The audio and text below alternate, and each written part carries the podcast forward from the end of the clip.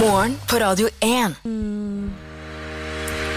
Velkommen til podkast for uke 31. Det, det, er 3. august. Yes, fredagen har lagt seg over oss, og Gita og meg selv undertegnede har altså gjort unna vår siste sommersending. High five, Mats! Yes, Ah, det var fake high five. Du prøvde å lure Det lytterne. er altfor langt over bordet til at jeg kan high five deg. Jeg håper du der hjemme har hatt en strålende uke. Om du har vært tilbake på jobb, vel, det kan hende at den har vært litt tung. Neste uke blir litt lettere, og så jobber vi oss utover. Det hjalp jo med det regnet som kom. Det gjorde det, absolutt. Trengte vi så absolutt. Men uh, det har nå hatt noen konsekvenser allikevel, da. Ja, det ble litt grann tørt. Håper du har hatt en finfin fin uke. Gita Simonsen, har du gjort noe gøy denne uken her? Nei, jeg har jo egentlig prøvd å fokusere uh, på, på oss, hvis det er lov å si. Å, Det har vært hyggelig. eh, vår siste Ja, vi hadde vår siste sending i dag. Og jeg må bare si at det har vært veldig veldig hyggelig å lage radio med deg, Mats, i, i sommer. Det var fryktelig hyggelig. Vi hadde da altså en gjest. Eh, Mathilde var på besøk. Eh, artist som eh, synger om eh, Ja, hva var det hun sa for noe? da? At hun, det er ikke nødvendigvis at hun har så utrolig budskap i sangene, men hun skriver om ja, det som faller henne inn. Og det tenker jeg at ikke all musikk nødvendigvis må være sånn Å, du må altså Sånn altså, supermoralsk, liksom. liksom. Ja. Ja. Nei, hun eh, var her snakket om musikk, at hun er, eh, hun er avholds, og ja, hun spilte jo i, bryllupet til um, Johannes Tingsbø, broren til min kjæreste, og uh, der grein de altså som Er han rakker. kjendis, eller er det bare en person som liksom alle skal vite hvem er? Johannes Tingsbø han er den beste skiskytteren i Norge og nesten verden akkurat nå. Oh, ja, ok, så det er en person alle vet. Jeg, bare så, jeg stusset sånn over siste uka, så har du sagt på radioen sånn Ja, nei, det er bryllupet til Johannes, da. Så jeg bare sånn Hvem faen er det? Jeg tenkte, Nei, det er eh, Han vant gull eh, i eh, OL nå sist. Han nest, vant nesten verdenscupen sammenlagt, og han, ja, han er typ den beste. Så kommer min, da. Ikke sant? Ja. Ja.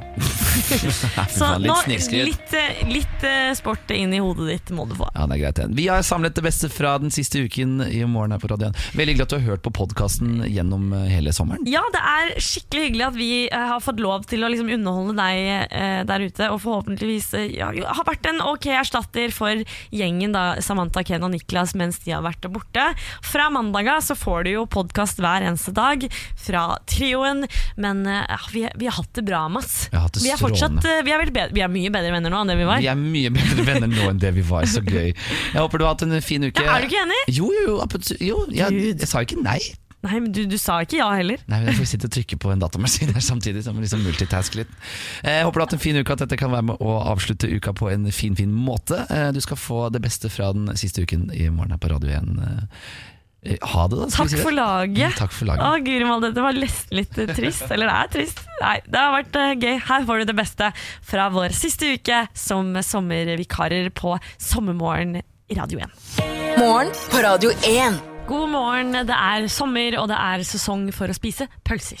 Pølser er utrolig godt, og så enkelt, da, gitt. Ja, det er veldig enkelt, og det er nettopp det. Det skal ikke så mye til å varme det, men allikevel så faller man ofte for fristelsen med å spise kalde pølser. Aha. Gjør ikke du det, Mats? Nei, og jo, ja, kalde. Jeg, jeg følte ikke helt Ja, nei, Jo, selvfølgelig kalde pølser. Ja, det skal jeg ikke ha. Nei, men du har spist det før? Nei. Har du ikke det? Nei, nei, jeg skal ikke ha noen kalde pølser, nei. Veldig ofte så har jeg bare tatt en kald pølse i kjøleskapet fordi Nei, de ikke rart, har dårlig tid. Nei, det er kjempevanlig. Men er det sunt, da? Nei, overhodet ikke. Ah, du har forskning som viser at det ikke er sunt? Nei, eller NRK skriver at eh, ikke spis kalde pølser, for det kan nemlig gjøre deg syk. Og eh, ja, det er noen eh, grupper som er spesielt utsatte for det her. Men um, det som Altså det er risiko for at pølsene inneholder en sykdomsfremkallende bakterier. Og selv om det er sjeldent, så bør man ta det på alvor. Altså Den kan nemlig inneholde bakterien listeria. Som Det kan er farlig. Ja, Det hørtes ut som en maling. det gjør det. Prøv listeria i dag, få den matte, fine overflaten. Og så ser du sånn på malingsreklamen, så går de og tar på veggene. Hvor ofte, er det du går og, hvor ofte er det du går og tar på veggene i leiligheten din? Veldig ofte nå, faktisk, fordi Ja. vi akkurat har malt. Men eh, denne gruppen mennesker som må ekstra passe seg for å spise kalde pølser, det er barn, Ah. gravide og de med dårlig immunforsvar. De med dårlig klesstil. Og eldre, barn under to år og rus rusmisbrukere eh, bør også være ekstra påpasselige. Ja, okay. Så med mindre du er da litt i utsalggruppen, så er det altså ut, den utsatte gruppen, så er det innafor å ta seg en kald pølse. Ja, Men jeg ja, skjønner ikke hvorfor du gjør det likevel, for det smaker jo noe godt. det er eh, Jeg syns det kan være digg. Men eh, em, du kan komme unna med det, men det er ikke altså, lurt. Altså, men sånn som hamburger, det hadde du selvfølgelig stekt først. Ja, ikke sant? Du tar ikke en kjeft og kald var hamburger. ikke en kald hamburger. Nei, det er sant. Kald kylling og sånn. Jeg har et forslag som en kompis som jeg ofte gjør. Han kjører pølsa i Altså Kjører pølsa i mikroen. Da Hæ? Gjør han det? Ja, ja, det funker det. Altså. Så tar de brød og så kjører de på. Men Har han er jo det? lat, da. Ja, nei, nei, nei. Jeg spiser veldig lite mat hjemme. Jeg spiser ofte ute. Ja, du er en kultivert fyr. Dette har jeg aldri sagt høyt på radioen før, men jeg spiser nesten aldri middag. Nei, nå må vi høre låt her. Jeg kan ikke prate mer om at jeg ikke En kompis av meg han trodde faktisk at eh, kyllingen skulle være litt rød inni, så han ble veldig syk. Nei. Morgen på Radio 1. Jeg ber Gita ta ut Ja, tyggisen. Det er en tvang. Ut med tyggisen. Ja, du veit at dem som hører på inni øret, vet, da blir det Jeg hadde jo selvfølgelig tenkt å ta den ut før vi gikk på lufta Ja, her. Men jeg og Mats vi er veldig glad i hverandre, det vil jeg tørre har- påstå. Men du, irriterer deg helt fryktelig at jeg av og til kan smatte litt. smatting. Men jeg sitter da med headset og har stemmen Jeg har munnen til Gita inni ørene mine. Det er for mye. Håper du har en finfin fin tirsdag morgen. Ferien er straks over, men det er det altså ikke for Will Smith, som med, altså med sine nesten 20 millioner følgere nå deler videoer i høy hastighet fra familieferie i Italia. Eh, en veldig morsom klipp som kom ut nå da i, var det i, for eh, ja, snart en uke siden bare, som, eh, hvor han da prøver å få familien til å underholde han. Look pretty for my Instagram right now. You Don't listen, not look this pretty one. for my IG and get me followers. Willow. Willow. Willow. Synes det er veldig morsomt det er da hele Altså De er jo på en måte kjendiser hele gjengen Will Smith-familien Du har Willow Smith, du har Jaden og da Will Smith Og da kona, ja. eh, Kona Jada også, Pinkett Smith det, Altså de er Jeg bare ser for meg De bare har det jævlig gøy De har så mye penger og bare har det gøy De har så mye penger. Nå, men han gikk litt fra å være evig cool dad til å bare bli litt dad.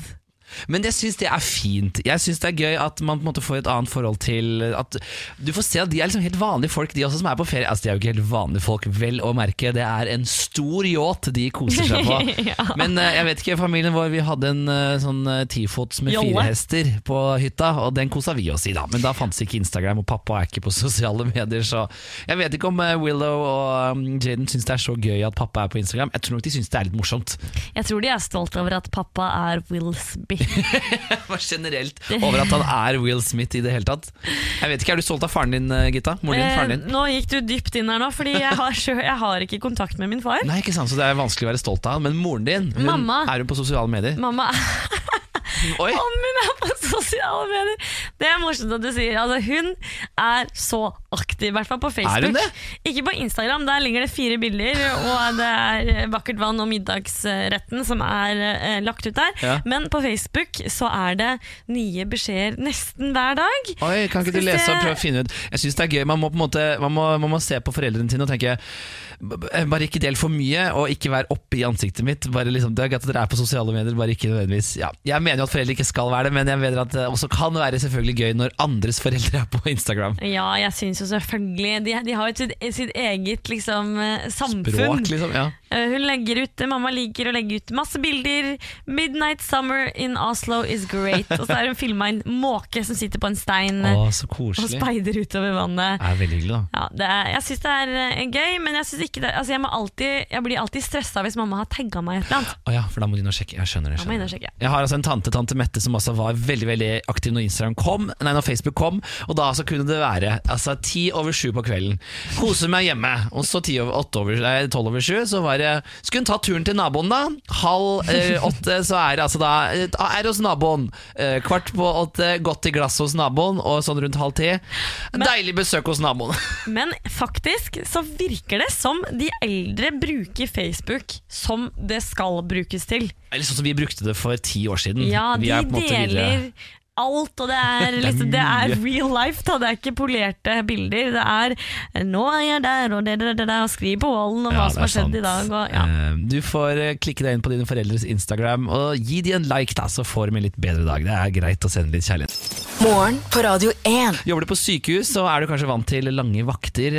Jeg personlig, mitt forhold til sykehus er min mor som er sykepleier, men også da TV-serien Grace Anatomy. ja, for det er en eh, Altså, jeg har levd i en hule eller noe, eller bare ikke interessert meg for det. Jeg har ikke sett på det, men det handler om en gjeng Det er leger, ja, ja, ikke sant? Det Ja. er Meredith Grey og gjengen som da nødvendigvis er leger, og alt som foregår der. Vi er jo på sesong gud veit hvor det er 15 eller noe sånt.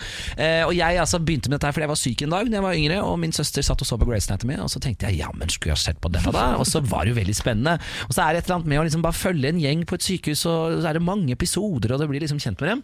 Det som nå er spennende, er jo eh, flere leger som da selvfølgelig stiller spørsmål ved em, Altså leger som stiller spørsmål ved hvordan ting utføres på sykehus. Eh, Ja. det, eh, altså I TV-serier, eh, det er jo normalt. Jeg vet ikke om du husker Dr. House Jo, med jeg Hugh Laurie? elsket eh, Dr. Ja, House. ikke sant? Der var det jo mye kritikk for at her var det en del ukonvensjonelle måter å løse sykdommer på, at alt ikke nødvendigvis fungerer.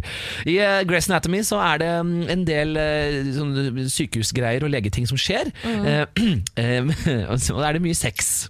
Ja, for det Ja. er mye romanse gående mye romanse, der. og jeg Mhm. syns det er veldig gøy at leger eh, stusser over hvordan man gjør ting på operasjonsbordet. Men enda morsommere er det denne saken da som eh, nå finner fram at leger som stusser da over sexen i Grace Anatomy. Og Det er en veldig kjent scene fra da sesong nummer to, hvor da Meredith Grey og eh, Skal vi kalle han for McDreamy eller Derek Shepherd, da? Alle dere som følger med nå, jeg beklager. Dette er en sånn guilty pleasure jeg har. De skal altså da ha sex i et lite skap, og nå har da noen leger ikke stusset over eh, legetingene i TV-serien, men da altså Er dette i det hele tatt mulig? Ja. og det er altså da skapet er eksepsjonelt lite, og det er ingen som legger merke til dette. Og de mener da altså at det er helt umulig å ha sex i et så lite skap uten at noen legger merke til det. Altså, jeg, jeg tror de som lager film og serier, de gir bare faen. For de veit dette er ikke mulig i eh, altså, real life. Altså, eksempel når man bare våkner opp i, på sykehus da, på, på film, og de bare drar, drar ut eh, IV, hva heter det, den uh, Ja, IV-greiene. ja. Som om det liksom hadde vært mulig. Bare dra den ut. Eller at det eh, plutselig, så, sånn som i, i, i um, James Bond, så holder han på å dø, og så er det bare sånn 'Jeg har supergreie inni bilen', og så er det en hot babe som plutselig veit hvordan hun skal bruke denne hjertestarteren. Det er så usannsynlig. Sex på film blir da kritisert i TV-serien Grey's Anatomy, eh, men jeg syns det også er gøy, da, fordi jeg har da spurt disse legene om, eh, om medisinen i serien. Det er greit nok, det er ikke alltid på plass. Eh, Denne sexscenen er rar, og til slutt så vil jeg bare ta med at i Grey's Anatomy så er det jo en bar rett over eh, sykehuset som eh, skuespillerne ofte da sitter og tar seg noen, noen øl i. Men i overraskende mange scener så sitter de altså og drikker ren sprit, om det er Tequila eller shots. Og disse legene sier at etter altså 18 timer på jobb det siste du trenger da er å bli hammered, altså drita full, for du skal jo på nytt skift dagen etter.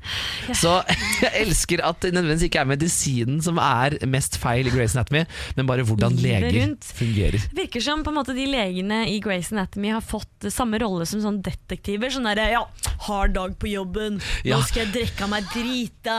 Og så er det sånn hver dag, og sigger og tar dop, og det er ikke måte på. Ja, ja, ja. Nei da, til alle dere som er leger og jobber på sykehus, sykepleiere, dere er fantastiske folk. Morgen på Radio 1. Og jeg spør deg, Mats, og du der ute, hva tror du dette er lyden av?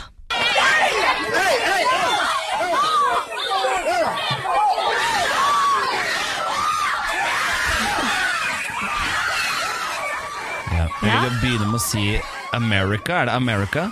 Det er uh, America. Ja, det stemmer.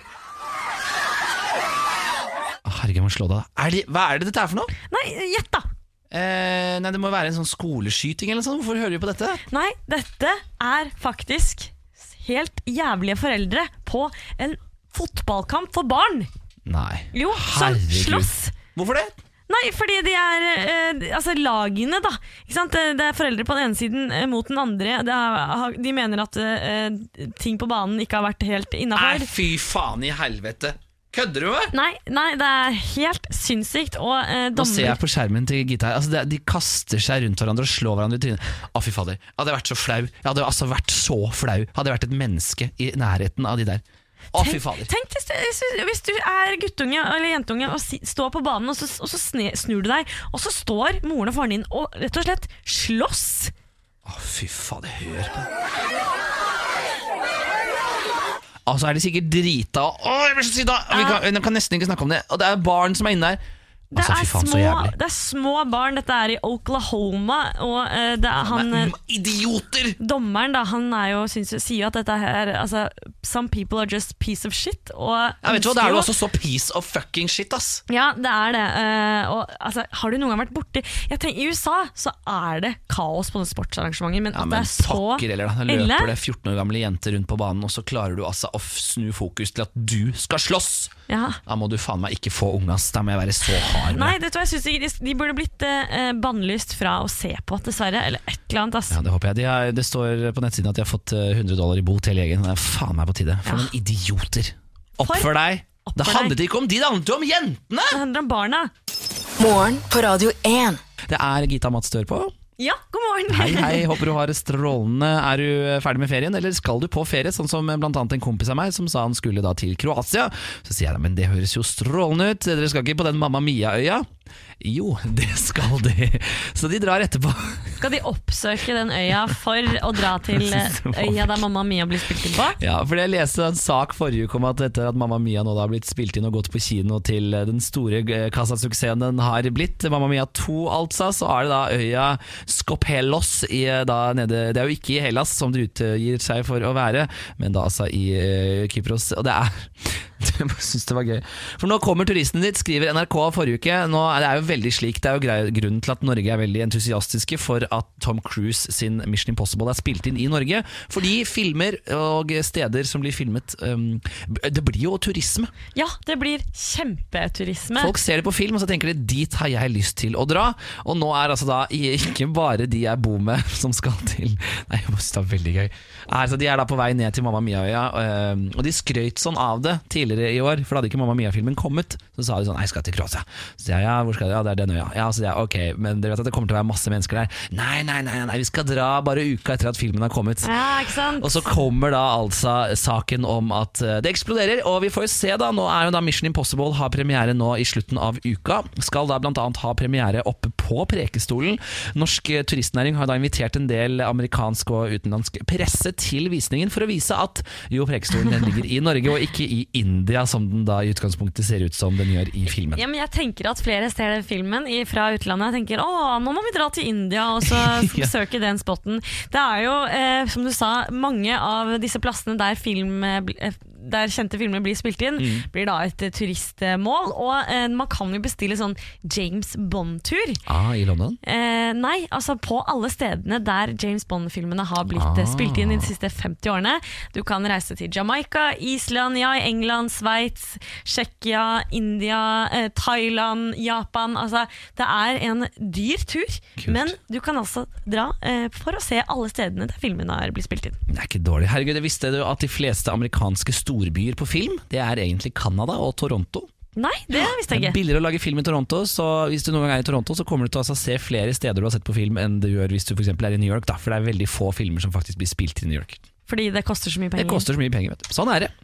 Vi gleder oss alle Sånn er til eh, å høre åssen det gikk med de vennene mine som har vært på Mamma Mia. Jeg håper det koker av turister der nede. Du ville blitt med selv, tenker jeg. Ja ja, det er, jeg er her og jobber i stedet. Enn så lenge. Ja, god morgen.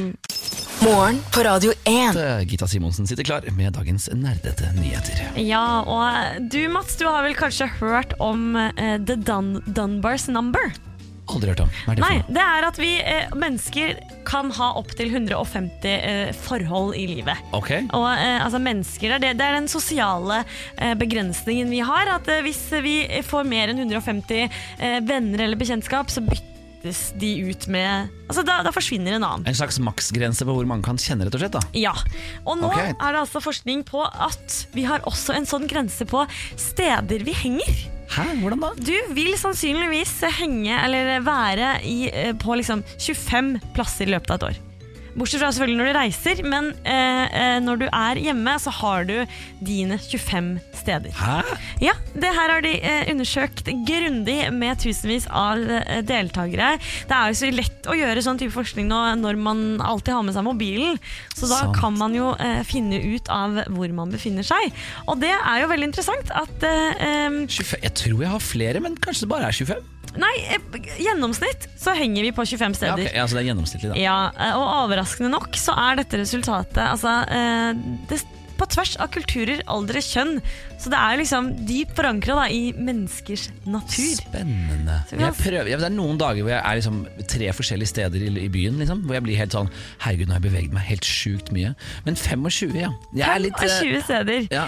Men vi kan jo selvfølgelig oppdage nye steder i løpet av livene våre. Men, eh, og noen av oss eh, er mer eksplorative enn andre. Ja. Men eh, det som er at hvis vi ja, finner en ny favorittrestaurant eller eh, bar eller what Ja. not, så bytter du det ut med et annet sted. Ok, så jeg slutter å henge andre steder. Ja, på, altså, I Friends så henger de jo bare på den der kafeen, så de har bare ett sted. Så de trekker jo snittet veldig ned, da. De er ikke veldig eksplorative. Nei. Rett jeg har, og slett. jeg har, jo, jeg har noen barer og restauranter som jeg syns er veldig fint å sted. eh, Men jeg, også, ja, jeg bader jo bare ett sted også. Fader Ulland, herregud. Jeg er Innser du nå at, eh, at det kanskje kan stemme på deg, selv om du, du er jo en breist fyr som liker Ja. å oppdage nye plasser?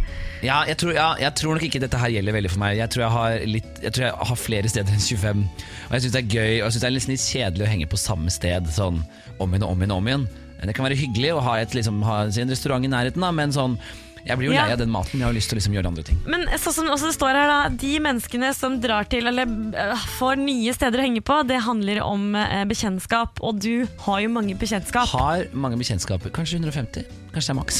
Du er på maksnivået. Ja. Så dette er, høres litt sånn her, eh, kanskje en rar forskningsting å gjøre, men det er jo veldig veldig viktig, for vi er faktisk syv milliarder mennesker på jorda. Man kan ikke ha flere enn 25 steder hver. Eh, Nei, nei, men det er bra å liksom kartlegge litt hvordan, menneske, eh, altså hvordan mennesker beveger seg i forhold til miljøet og forsøpling og den type ting. da. Yes! Alle tiders flere nerdete nyheter får du i morgen rett før klokken ti. Dette her er Selena Gomez og Marshmallow. God morgen. God morgen. Morgen på Radio 1. Hverdager fra seks. Mats, det å være eh, en sånn eh, eh, parkeringsvakt, det tror jeg ikke er en vennlig, takknemlig jobb. Nei, det er nok ikke det. Du, det. Det er ikke mye blide folk som er sånn Nei, men herregud, har du gitt meg bota, ser du det? Så hyggelig, gitt. Tror du at du kunne gitt en ambulanse en parkeringsbot? Nei, det kunne jeg nok mest sannsynlig ikke. Er det noen som har gjort det? Nei. Det er litt en fyr i England som har altså gitt bøtelagt en ambulanse som parkerte, riktignok ikke eh, on duty. pa, altså de som Hva heter det, ambulansesjåførene. Ja. De skulle ha lunsj eh, Ja, og parkerte det- utenfor eh, området der, der hvor bilen kunne stå. Ok. Og der eh, satt han altså en, en bot, og eh, det ble dårlig stemning. D- øh, Visste han ikke det at grunnen til at ambulansesjåfør og politi og sånn parkerer veldig veldig nærme døra, og helt sånn rart, det er jo fordi at hvis de blir tilkalt, så skal de kunne løpe rett ut i bilen og kjøre av gårde? Ja, nei, Det han eh, da eh, sa, da, var at eh, de, de var eh, ikke på jobb, eller de, on call. Hva, eh, Ja, hva så det norsk? var, ikke- de var ikke på jobb? Det var De ikke, var det, ikke på det var jobb. ikke vakt? Hun hadde lunsj, eh, og sirenene var ikke på, og den er parkert oppå en double yellow line. Ja, vet du hva? Det skal du, altså, han der Nå ble jeg enda mer sint på parkeringsvakten. Poenget er jo at selv om du er på call eller ikke, så er du ute og kjører ambulanse, og hvis det skulle skje noe, så må du være rask. Ja, eh, og han, han, han står fast på dette her. Det, var, altså, det er ikke lov, og eh, selvfølgelig skulle hun da få en bot. Men er det altså det å følge regler på så punkt og da er du kjedelig. Da er du et forferdelig menneske. Da har du lite glede i livet hvis du syns at sånn Nei, jeg kan ikke se rundt det. Nei, nei, jeg må nok få bot, ja. Sånn, hva er det du driver med? Hva, de 500 kroner, hva er det du ah! Det er, litt som, det er litt som det samme hvis det skulle vært en ja, brannbil og Ja, for det var sånn, En ting er at Brannbilen er ikke på vakt nå, men hva hvis det plutselig begynner å brenne? da? Skal de være sånn Nei, nå må vi dra til enden av parkeringsplassen her. Vi vil ikke stå foran og få bot. Altså er det på skjønn. Denne dama sier jeg har vært på jobb siden kvart på syv i dag tidlig. Jeg har hatt ingenting å drikke og ingenting å spise. Og nå skulle jeg bare inn på butikken for å kjøpe litt vann. Fytti rakkeren. Og eh, han eh, mannen, han gir altså blanke Ja. F. Og han eh, ble nå påkjørt, og ambulansen som skulle hente han, den eh, er parkert for langt unna til at han kunne dø, bli reddet, så han omkom. Ja, men det var leit. Dette reagerer litt forskjellig. da Folk eh, er enige, mest enige med ambulansepersonellet, men Ja. eh, noen syns Ja, men jeg skjønner han godt, ja. Vennene til han skjønner han godt. Fy fader, for noe kjedelige greier. Ah, Oppfør deg, vær, skjønn at ikke alt må nødvendigvis være inn i systemet. Altså, alt skal ikke passe med de reglene du har Nei. satt. Regelryttere, dere må ta dere litt i nakken og tenke at ja, vi skal følge regler, men eh, ikke alltid, liksom. Morgen på Radio 1.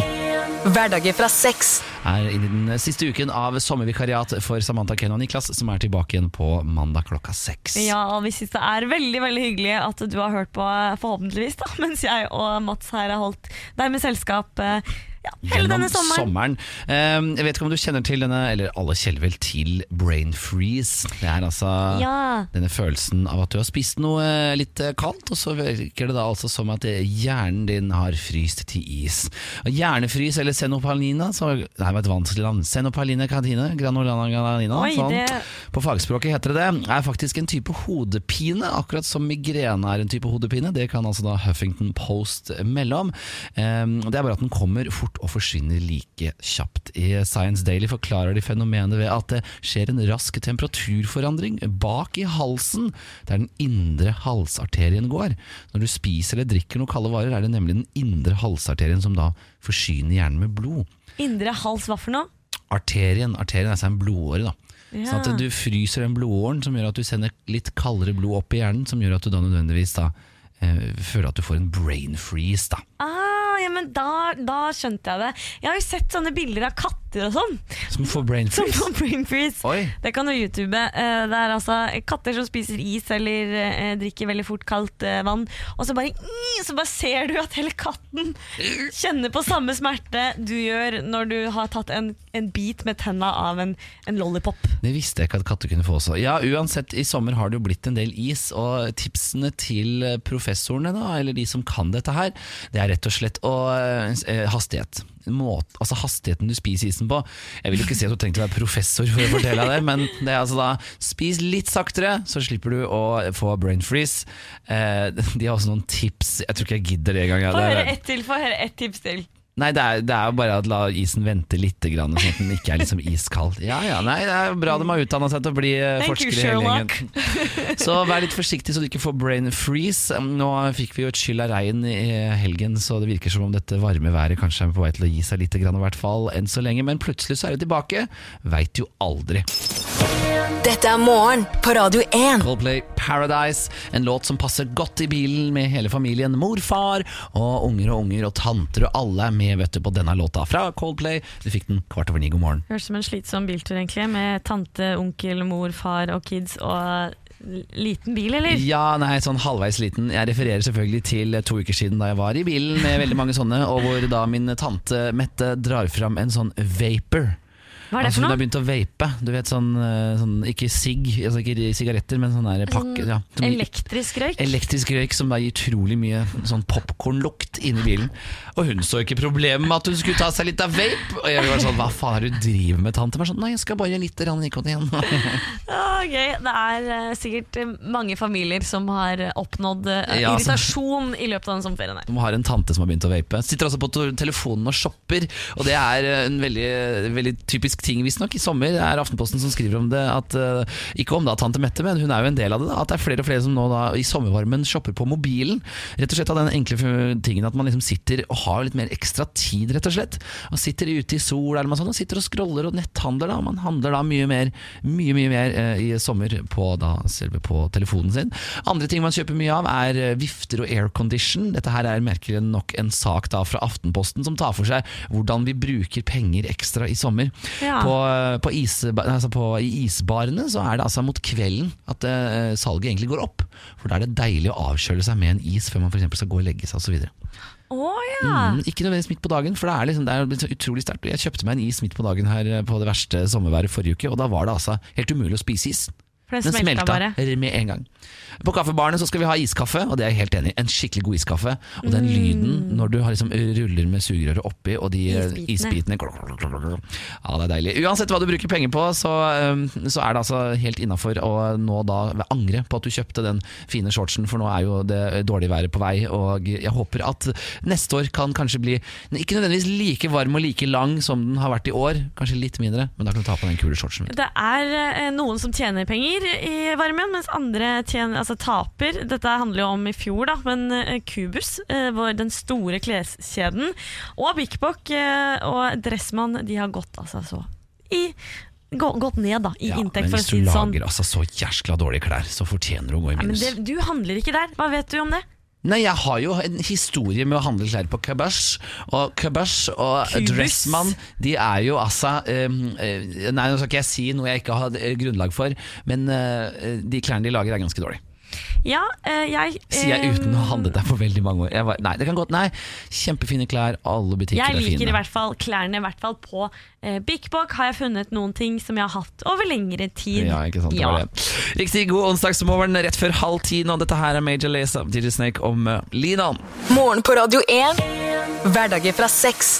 Det betyr at Gita Simonsen sitter klar med dagens uh, nerdete nyheter. Ja, og jeg er jo eh, har veldig, veldig lyst på hund på et tidspunkt. Ja, Ja, og prøver å få inn kjæresten min med på denne planen her. Og hvis du der ute er som meg, så skal jeg gi deg et nytt eh, tips eller en ny fakta du kan komme med oh. til din partner, din venn, din familie, what not det må være. spiss ørene alle som har lyst på labrador. Kjæledyr forebygger overvekt og allergi hos barn. Ah, for et Altså, er det forskningen som har brakt oss hit? Ja, det er det. Så fantastisk. Dette med overvekt skjønner jeg, for du er ute og går tur med bikkja. Ja, ikke sant? National Graphic skriver at spedbarn som lever sammen med minst ett kjæledyr, er langt bedre beskyttet mot overvekt og allergi senere i livet. Ja, hvis du har små barn eller har planer, planer om å ha det i fremtiden og ennå ikke har skaffet deg en lodden, firbent venn, ja, da er det god grunn til å vurdere det en lita ekstra gang. Ja. Er du en sånn som vil, ha kjøpt, ja, du vil kjøpe deg hund med barn? Altså, det blir jo en ekstra barn Jeg veit det. Det er jo litt eh, Kanskje ikke den beste kombinasjonen, men eh, jeg har hørt at eh, det er veldig fint å ha dyret før barnet kommer. Fordi Ja. da, blir, da blir liksom hunden eller katten eller whatever vant til at det kommer et nytt menneske inn i flokken. Denne undersøkelsen da, har eh, gått Altså, de har testet eh, avføringsprøver fra i alt 746 kanadiske spedbarn. Yes. Hvor mer enn halvparten levde dem sammen med minst ett eh, dyr. I 70% av tilfellene var dette da, hunder, og de oppdaget da en klar sammenheng mellom kjæledyr og et høyere nivå av en tarmbakterie som Gjør deg litt eh, mer resistent, rett og slett. ja. Ja. Men jeg tror dette med vekt også, da, jeg tror jeg hadde holdt meg Jeg hadde vært bedre i form en søndag hvor jeg, hvis jeg måtte ut med en bikkje. For da blir jeg ofte liggende. Jeg er, jeg er litt det, altså. Ikke sant? Tror du ikke at du hadde vært eh, ja, en bedre bedre Ti fyr? kilo lettere! Det er godt mulig. For, altså for en forskning. Veldig veldig bra, Gita. Ja, da blir det ikke bikkje, da. Det blir bikkje. Og hvis du er altså, De skriver her også at den positive effekten av kjæledyrets bakterier også er gjeldende for spedbarn som fortsatt ligger i magen. Ah, så det er bare å fortelle det til alle der ute som har lyst på Å, nå fikk jeg lyst på hund. Ja. Å, det er fint. Dette her er Sigrid, mine damer og herrer. God morgen. Morgen på Radio 1. Du skal til Italia? Jeg skal til Italia i, um, i september, skal i bryllup, og det er flott og fin. Uh, brudgommen, holdt jeg på å si, eh, hva heter det, best man er jeg ikke, men en veldig god venn av meg som er, og er litt eh, nervøs, fordi nå var det altså, i helgen så var det da dette utdrikningslaget for dama, altså Ja. for uh, bruden, Uh, og det altså gikk over stokk og styr, var en storslått suksess, så nå føler da nødvendigvis forloveren eh, til mannen at eh, det er litt, eh, ja, liten, hva skal man kalle det da, en slags barriere for å levere. Det er jo et press på forlovere, fordi man må jo levere. Det er, altså, du er valgt Du har veldig lyst til å levere i hvert fall. Ja, du, altså, du skal levere. Unnskyld meg. Du er valgt ut som den, det ene mennesket eller de to menneskene som kjenner bruden eller brudgommen best, og du skal altså, gi et heidundrende uh, utdrikningslag. Det er kanskje litt eh, hardt å si, men eh, jeg hadde blitt kjempeskuffa. Nei, Gita! Nå skal man ikke ha så høye forhåpninger. Så, lenge man prøver godt nok. Jeg tenker sånn, Ja, Hvis jeg ja. hadde sett at min forlover var litt sånn hadde skikkelig prøvd, og så ble det kanskje ikke perfekt, men jeg tenkte sånn Men prøvde i det minste, da. Det verste er hvis du er sånn Nja, jeg kom på noe gøy, jeg skulle dra på syng. Ja men, ja, men det er det. Altså, selvfølgelig. Det skal trenger ikke å være perfekt, men du skal gi en innsats. Hvis du nå er, tenker fader, det er ferien er over, nå er det ikke mange fridager igjen osv. Ja, det er faktisk helt fram til jula du kan vente deg en lang ferie. Ah. men hvis du tar ut eh, fri eh, et par dager i juletida, da To eller tre eh, feriedager, ja da får du elleve dager sammenhengende fri. Hvordan da? Nei, det er noen dager da du må ta ut eh, innimellom. Altså de eh, Hva heter det? De eh, Røde dagene? Ut, nei, de, når, du, når det er en rød dag og så er det en arbeidsdag. Inneklemsdag. Inneklemte dagene. Tar du ut disse, ja, da får du en god og lang ferie. All right. Yes. Ja, da er det bare å begynne å planlegge juleferien, altså. Eh, Enn så lenge så er det fortsatt sommerferie, i hvert fall i radioen. Morgen på Radio 1. Mats, er du Eller jeg vet jo, du er ikke en selfie-dude. Eller du, du liker å ta self, tulleselfier og Ja. sende på Snap og sånne ting. Jeg kan tulle bort en selfie, men jeg ville aldri tatt en seriøst fin selfie. Det tror jeg ikke jeg ville gjort. Nei, eh, det, det ville jeg gjort. Ja. Eh, men du ville heller ikke ha stoppet noen for å ta et bilde. Det har vi vært gjennom før. Du har ikke noen kjendiser du ville tatt bilde med, kanskje hvis du møtte Obama, liksom. Ja, men ja, nei, da enda, enda mindre han, for da ville jeg liksom følt meg forlegen, for han er mye smartere enn meg. Jeg kunne tatt bilder med dummere mennesker enn meg. Donald Trump. Ja, ja, det er bare full fotoshoot. En ukrainsk eh, turist var på besøk i en safaripark, og altså dette er ikke tull. Hun gikk da inn i eh, et lukka område der hun skulle eh, prøvde å ta selfie med eh, det som så ut som en eh, veldig slapp løve. Ok. Ja. Hæ? Ja, Tuller du? Tok hun selfie med en løve? Hun eh, skulle ta selfie med en løve. Det er et bilde av, på nettet her der hun sitter med løven og tar på løven. Og- Men altså, Ble hun spist, eller gikk det bra? Nei, altså den, den eh, gikk jo inn i et forferdelig angrep, da, denne løven som ikke ante fred og ingen fare. Ah. Og eh, kommer denne dama og setter seg på kne ved siden av og smiler bredt. Så hun fikk et, rett og slett et angrep av løven. Herregud, så utrolig. Og vi kan le av det fordi hun, hun overlevde, Ja. Gudskjelov. Nå følte jeg at jeg, når jeg tenkte over det, jeg lo av det, så tenkte jeg sånn ah, Hvis hun dør nå, så går jeg dårlig ut av dette. Nei, hun eh, lever og eh, ja, har, det, har det fint, men mitt største råd til alle der ute eh, Jeg har to dyrebilderåd, og det første er ikke, ikke gå inn i et lukka område og ta, prøv å ta selfie Nei. med et vilt dyr. Dropp det. Vær, ta helsa di først. Dropp det, og dropp disse. Altså, hvis du er i eh, Sørøst-Asia, så er det veldig mange steder hvor du kan ta, ta bilder med tigeren, ta bilder med løven, ta bilder med eksotiske dyr. Det er dyreplageri. Vær litt forsiktig med det, liksom. Men, eh, men eh, hvordan ser bildet ut? Er det kult? Eh, nei, det er jo litt, Er litt sånn uklart, uklart. For Ja du ser at løven er sånn This is not okay. Ah, fy faen, ja. Det var verdt det, da, mest sannsynlig. Hva var hashtaggen, da? Hashtag, ja, hashtag Hakuna Matata. Neida. Du hører på Morgen på Radio 1. Svensk musikk nå fra Sandro Cavazza og Avicii. Straks morgenquiz med Lars Berrum. God morgen! God morgen.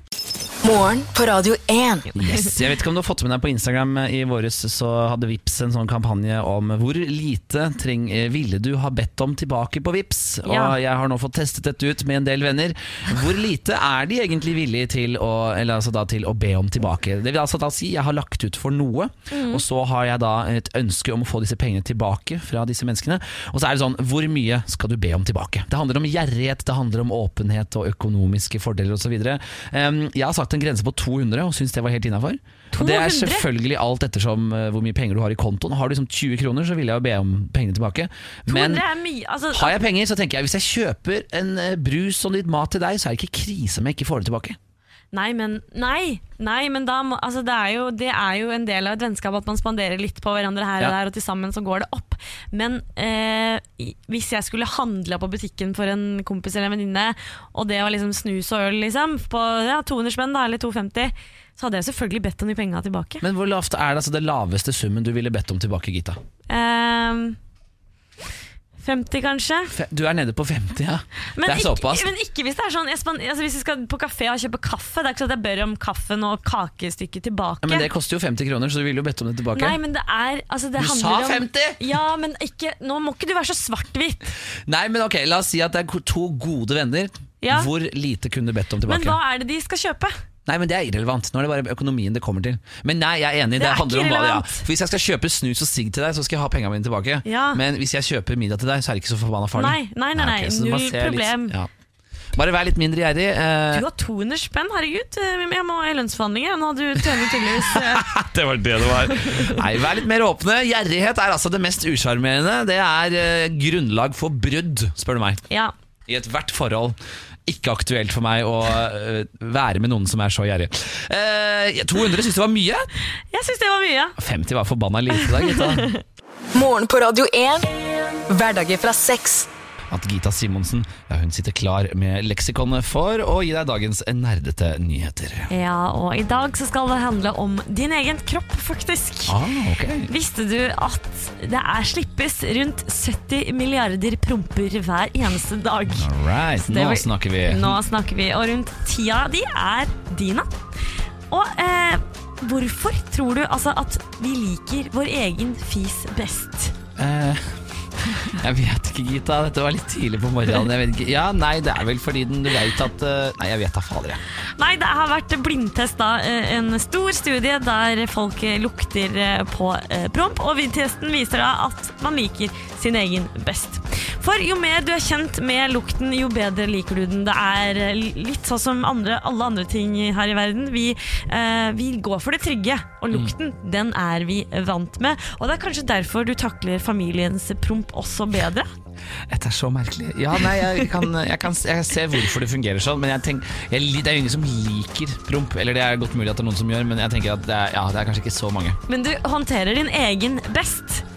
Okay. Det, det er bevist i hvert fall. Og Alright. du produserer jo et helt sett med liksom egne bakterier og virus og alt, ikke virus, men bakterier som eh, ingen andre eh, har. Og derfor er altså den lukten helt, helt unik okay. til deg.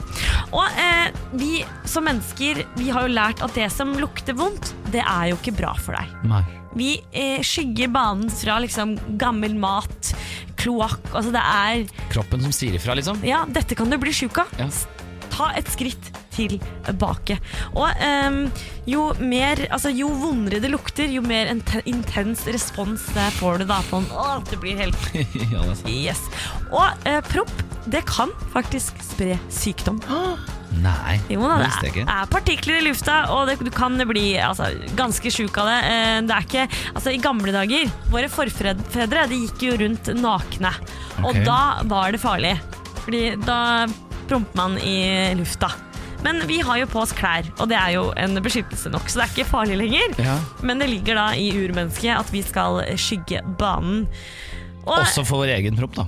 Også, nei, eller siden vi er kjent med vår egen promp, så vil også liksom vi skjønne da eh, altså hygienemessige ting da, at nå er det på tide, altså vi kjenner vår kroppslukt. Ja, skjønner, skjønner. skjønner. Ikke sant, ikke sant. Ja og det er jo også derfor at mødre ikke, og fedre ikke syns at eh, bæsjen til babyen deres er ekkel. Nei, men der er jeg helt uenig. Det er altså øh. Ja, men du har ikke barn.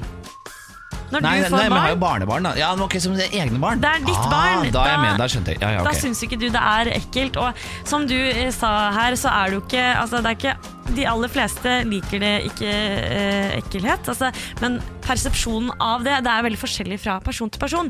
Og de som er innadvendte, sliter litt med angst og den type ting, de syns ting er eklere enn de som er utadvendte. Ai, ai, ai. Dette her var altså informasjon nerdete sådan fra Gita Simonsen, som da altså er tilbake igjen i morgen Ja. eh, klokka rett før ti med nye nerdete Og du burde nyheter. si ifra til andre når du skal prompe, for det er faktisk verre når du ikke venter det. Herregud. Morgen på Radio 1. God eh, morgen der ute. Eh, Jeg har tatt lite, eh, liten titt her inne på Kvinneguiden. Aha. Eh, og eh, liker liksom å lese litt hva som foregår i livene til folk der ute. Ja. Og jeg, jeg har lyst til å ta opp et problem her eh, på radioen. Alright. Det er en kvinne her som skriver Jeg har, som tittelen sier, eh, møtt en mann som er 13 år eldre enn meg. Oi. Jeg er 29, han er 42. Jeg har aldri følt en spesiell til- tiltrekning mot eldre menn eh, før, og har heller aldri vært eh, med en som har såpass eh, høy alder. Og de har vært på hilseren i mange år, eh, men det endret seg eh, nå når eh, de fikk en match på Tinder. Ah, men er ikke dette vanlig i kjendisverden, i hvert fall? Jo, i kjendisverden jeg, synes, jeg tror det er vanlig ellers også. Men uh, Hva ville du ha gjort? da? Hvor høyt, hvor høyt og lavt eh, går du, Gita? Nei, jeg har jo vært på Tinder selv, og uh, jeg tror jeg hadde en grense på ti år opp. Oi, det er såpass, ja. Ja, Ja, jeg har ikke så veldig mye opp og ned. Hvor- jeg er bare sånn to-tre år frem og tilbake. Du er hard, altså, kresen. Ja, ja, jeg må være, må være like, like aldrende, vet du, likesinna. Ja, men altså Ja, for du, du, på en måte, du tror ikke du kunne blitt sammen med en som var ti år eldre enn deg. Eh, man er liksom på forskjellige steder i livet. Jeg tror Jo eldre man blir, jo lettere er det å være sammen eldre og yngre folk. Altså, sånn at Hvis du er 30, så er det ikke så ille å være sammen en 40-åring, for man har på en måte litt, man har litt sånn roet seg ned og blitt voksen. Eh, Derimot hvis du f.eks. er 21 år og sammen med Caitlyn Jenner, som er 67 eller hva faen hun er, så er det ganske sjukt. Det er jo, I kjendisverdenen er tydeligvis alt lov. Men altså, vet du hva? Alt er lov. Love og kjærlighet, og det må da pokker være lov. Ja, Hun skriver her at, eh, hun, at fyren Jeg må ærlig innrømme at fyren sjarmerer meg i senk og i, i senga.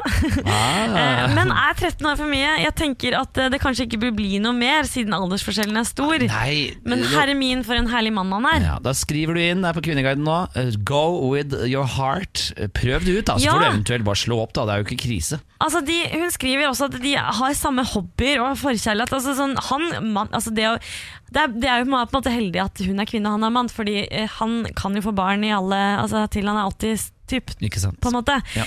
Eh, ikke det at det er nødvendigvis du som har skrevet dette her hører på, men jeg ville da gitt deg eh, tipset med prøv det ut. Try det ut Kjærligheten, den overvinner alt Morgen på Radio 1. Hallo, hallo I dag, I dag er en eh, litt spesiell dag. eh, Jeg syns det er trist, men det er samtidig så gleder jeg meg til at det skal skje. Fordi dette er vår siste quiz med quizmaster Lars Berrum. Velkommen. Ja, For siste veldig- gang velkommen ja, inn. altså, Hyggelig å være med dere i sommer. Og jeg må bare si at Dere har gjort det utrolig bra gjennom eh, hele sommeren.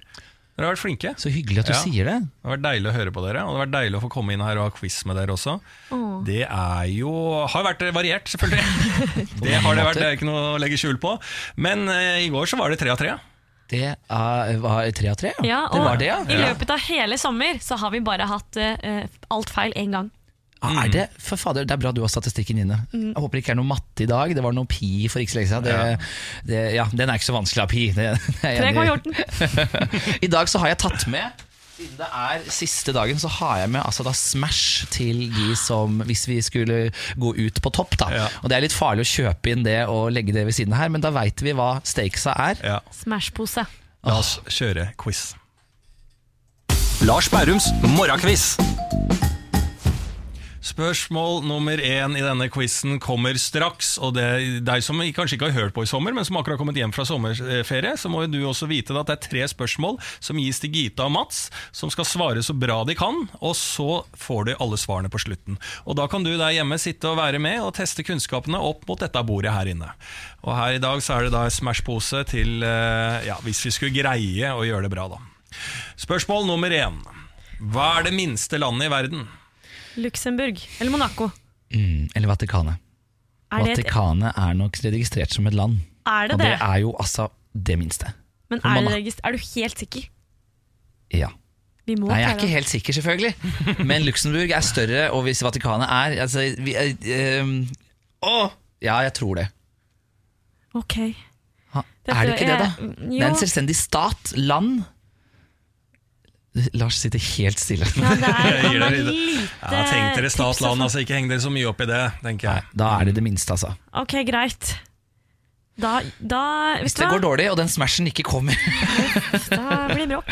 Okay, ok, men Da går vi for Ja, vi går for det. Vatikanstaten? Ja. ja. Ok, da går vi til spørsmål nummer to. Hvilket ord på Rapa du, Gitte? Innpust.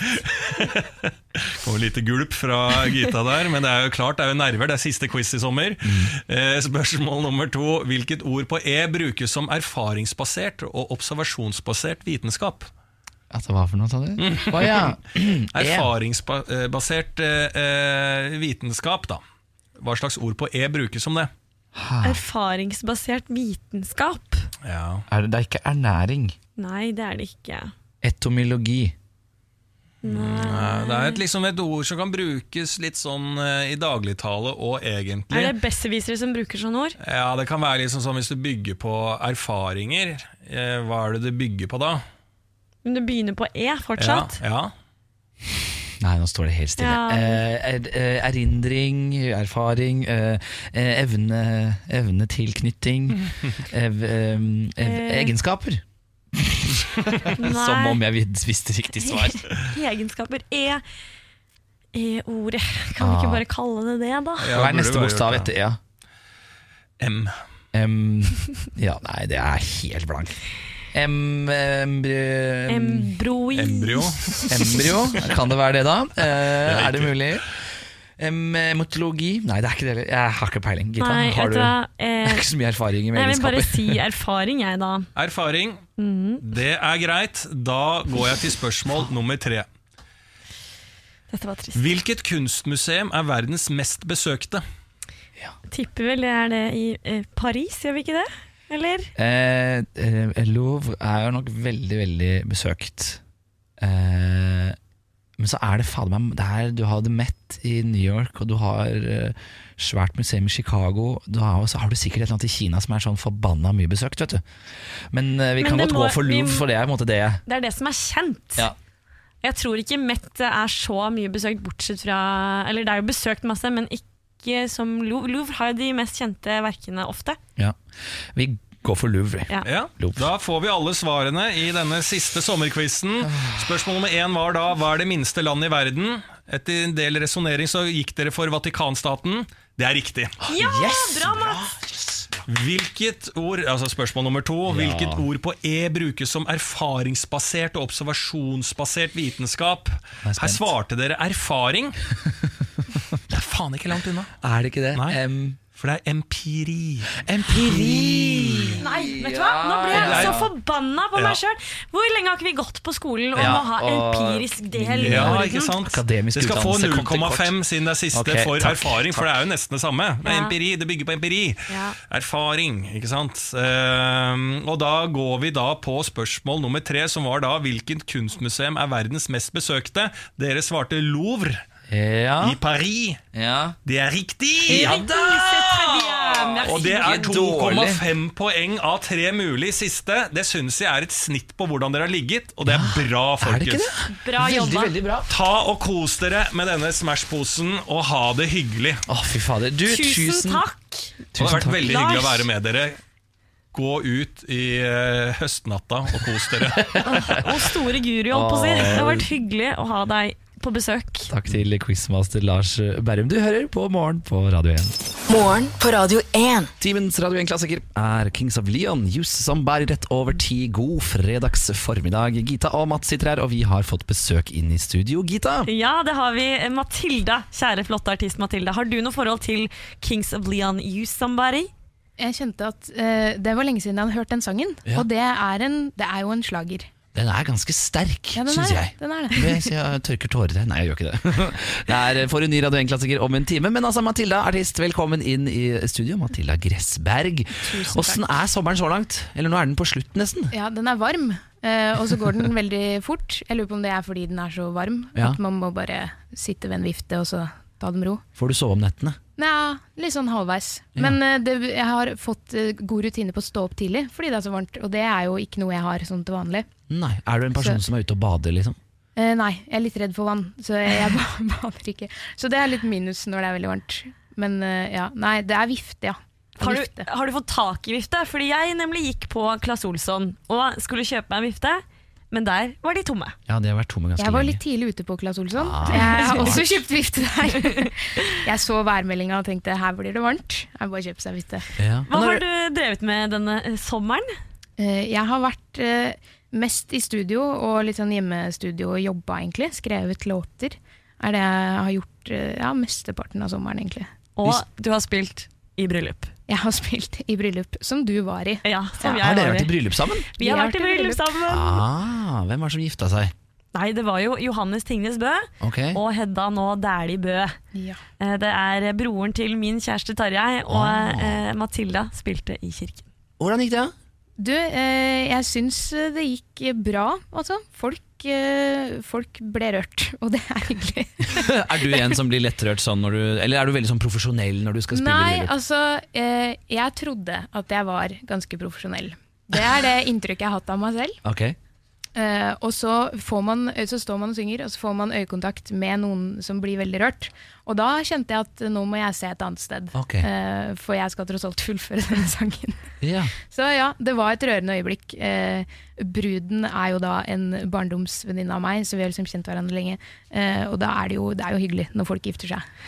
Hvem ble mest rørt i den der kirkesalen der, holdt på å si? Eh, For det, det syns jeg var interessant. Ja, det var vel brudgommen, var det ikke det? Jeg tror. Altså, Mats, han grein så ja, altså, Det så ut som han hadde gnidd Nå fikk eh, jeg frysninger. Herregud, jeg var ikke i bryllupet engang. Sprengrødt, og tårene bare Åh, trilla. Så fint. Og jeg håper ikke han hører på dette. Nei, men Johannes- det å så flau. Han var så søt, og så så jeg bort på min kjæreste Tarjei, og det er godt tydelig at de var, eller er i slekt. Ja. For der Kom det tårer her òg? Å, herregud. Matilda, du har jo en egen evne her. Hva var det ja, du spilte i bryllupet? dette er helt eh, det Sånn her er det ikke til vanlig, altså. Nei, okay. det, er, det er ikke sånn. uh, det, Nei, spilte jeg? jeg spilte Coldplay, og så spilte jeg Kent. Ah, ikke sant. Ja. nei, det er ikke sånn at hver gang du holder konsert, så er det bare sånn tårevått i salen. Ikke bare- som jeg har fått med meg. Ikke Eh, ikke som jeg har fått med meg. Du er jo bare 24 år gammel, men har altså da eh, utgitt opptil flere låter. Og som sagt driver og skriver ny musikk. I sommer, er det slik at når du da ikke får sove om natten, at du, at du liksom setter deg opp og begynner å skrive da? Eller er du en sånn som da setter deg ned og ser på liksom, The Office og Stranger Things? Uh, nei, det er litt begge deler. Ja, okay. det, ja, jeg kan stå opp for å lage musikk, men jeg kan også stå opp for å se en serie. Ja, ikke sant? Ja. Morgen på Radio 1. Så jeg skal skru opp mikrofonen litt, der, så du hører det. Vi snakket litt under låta di her om eh, at eh, sommeren bjuder på mye utfordringer, i hvert fall eh, sånn sosialt, om at man måtte skal delta på veldig veldig mye. Og jeg nevnte det at jeg, endte opp med å drikke litt mye øl, kanskje. Og så sier du at du ikke drikker øl i det hele tatt, stemmer det? ja, det stemmer. Men hva drikker du da? Nei, da drikker jeg alkoholfri øl, eksempel. Ok, Har du en Eh, favoritt, liksom? Eh, det er altså I Norge så er jo folk fryktelig dårlige på alkoholfri øl. Altså det fins jo dårlig utvalg. Ja. Men i Sverige, der Ah. har de skjønt det. Ja, for du er jo halvt svensk fra Var det Karlskrona? Nei. Eh, nesten. Karlstad. Karlstad. Hvordan spør du om en eh, Kan du gi oss en skikkelig svensk eh, eh, enøl, takk? Det, er jo, det høres jo helt likt ut som på norsk, egentlig. Men eh, kan jeg få en øl, eller? Ja, Ellers så går du enda lenger og er i Stockholm og sier at du skal ha en bæsj. Ja, det kan man også si. Det kan man også si. Ja. Så du drikker rett og slett da alkoholfri øl. Hvordan er folk når du liksom sier sånn «Nei, 'Matilda, skal vi ta en øl i kveld?' Sånn, ja ja. Er du på ja da, eller er du sånn ja, eller skal vi Nei, jeg er alltid, alltid på ja. eh, Ja. Fordi at jeg har funnet ut at hvis man forklarer på en måte før man dukker opp til denne øldrikkingen, så blir folk veldig sånn å ja, eh, nei, men eh, da, vi trenger ikke gjøre det, altså. Vi kan gjøre noe, vi kan gjøre noe annet. Hvis Ja. det, det er jo stress for deg, liksom. Eh, Men på Eh, fest da, eh, når du da Fordi jeg vet jo, jeg kjenner noen andre venner av meg som ikke drikker alkohol, og på fest så blir folk veldig sånn 'Herregud, drikker du ikke?' Men er det noen grunn til det? Har det skjedd noe farlig, eller noe sånt? Er du gravid? Den Ja, er jo en klassiker. Men Eh, hvordan ja. løser du det problemet? Nei, altså det var nok litt mer sånn i starten, tror jeg. At folk lurte veldig på det. Eh, og så Nå tror jeg de aller fleste jeg omgås vet at ikke jeg drikker, så de spør ikke om det lenger. Men eh, det er jo lurt å ha noe annet å drikke. Ja, altså Bare stå med et eller annet i hånda, Ja. liksom? Ja. Er det Altså, ditt beste du- tips? Til Jeg tror det. Uh, og også mitt beste tips er jo drit i det, liksom. Hva Ja. andre folk syns at du ikke drikker. Eller ikke. Ah, ikke sant? Det er Her jo- kommer vet du, ja. moralen fram så bra. Strong, independent. Du vet, Gjør det du vil. Du, jeg digger eh, Jeg har sett eh, forskjellige videoer, men jeg digger denne videoen i uh, Jakobkirken sammen med Ulrikke Falk, hvor dere danser, og det er fint. Hva heter den låta igjen? Naked. Naked. Eh, tekstene dine, i Ja. hvilken grad handler det om deg selv versus eh, Eller du, hva slags tema, hvordan velger du? Går Det er du fram? veldig voksne tekster. Ja. Eh, eh, takk, er det et kompliment? Ja, jeg sier det- takk. Det er et, Eh, absolutt et kompliment. takk, det var veldig hyggelig. For jeg har hørt litt gjennom låten også, så tenker jeg bare sånn, er det sånn Er det noe du egentlig er, Sitter du egentlig med en liten sånn mm, Nå sa du det at man må gi litt fingeren til hva andre folk synes. Er det på en måte et budskap du nødvendigvis ønsker å få fram, eller? Nei, det er jo egentlig ikke det. Jeg føler at eh, jeg, eh, det er nok mange av både låtene mine og tekster og videoer og det som er, som eh, helt sikkert eh, kommer liksom over til andre folk som om jeg har et veldig klart budskap okay. om noe. ja. Eh, men jeg har eh, stort sett ikke det. Stort sett så er det bare liksom eh, en eller annen følelse eller en eller annen hendelse eller noe som man skriver om, og så er det sånn det blir, da. Jeg liker å skrive liksom relativt ærlig. Men uh, i mange av musikkvideoene dine så har du jo uh, For ikke så lenge siden så var det jo Pride Month, og det er jo en, en sak du er opptatt av. Ja. Eh, og i musikkvideoene dine så er det ofte homofile par. Ja. Er, er ikke det et budskap måte, fra Jo, deg? det er det jo. det er det. Men uh, det som er litt morsomt, er at uh, når den første videoen kom, for den første videoen var jo 'Apologize', Ja. uh, det begynner å bli et par år siden, så var det nok veldig sånn Jeg tror de fleste tenkte at sånn Nå, dette er et statement. Ja. Men i utgangspunktet sånn fra min side, da, sånn helt personlig, så var det jo bare mer at sånn, ja, men dette er det som er naturlig for meg å gjøre. Og så blir det et statement. Men det er jo bare fint. Jeg syns jo det er bare bra. At folk, folk liksom tar det til seg, da. Jeg, altså, og tenker mener at sånn, dette er fint. I Declaration of Love så er jo, altså, Du hadde jo folk som kyssa lenge før Sondre Justad skulle ha med folk til å kysse i sine. Det er faktisk sant. At du var Det på mange måter banebrytende. Folk på gata i Stockholm, ja. Du skal gi ut uh, mer musikk uh, i løpet av høsten, eller? Det kan fort hende det kommer noe mer musikk i løpet av høsten. Altså. Ja, Og du har gitt ut eh, musikk eh, i løpet av våren her og eh, litt tidlig sommer. Du skal straks spille live for oss. Hvilken låt skal vi høre? Jeg tenkte jeg skulle spille 'Jealous'. Mm, vi gleder oss til det, men aller først så skal vi til eh, altså da bandet som du da visstnok spilte i et bryllup her for ikke så lenge siden. Vi skal ikke høre Yellow, selv om det er altså en av mine favoritter. Du får eh, Coldplay, Hymn for the Weekend, og så skal altså Matilda Gress, eh, Gressberg spille for oss aldeles straks. Riktig god morgen. Morgen på Radio 1. Ja, Mats, vi har besøk av Matilda. Det har vi. Hello. Og eh, vi tenker at det er altså, så perfekt å kunne avslutte besøket med Matilda. Og du der ute, en fin måte for deg å starte dagen med litt livespilling. Og låta vi skal høre, det er 'Jealous'. Vær så god, Matilda.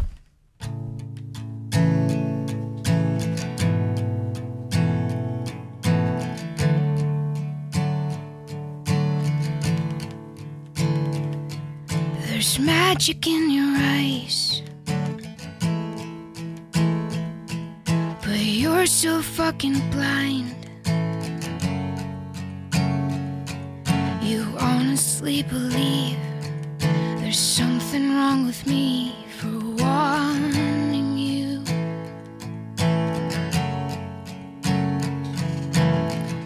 I said I missed her, but I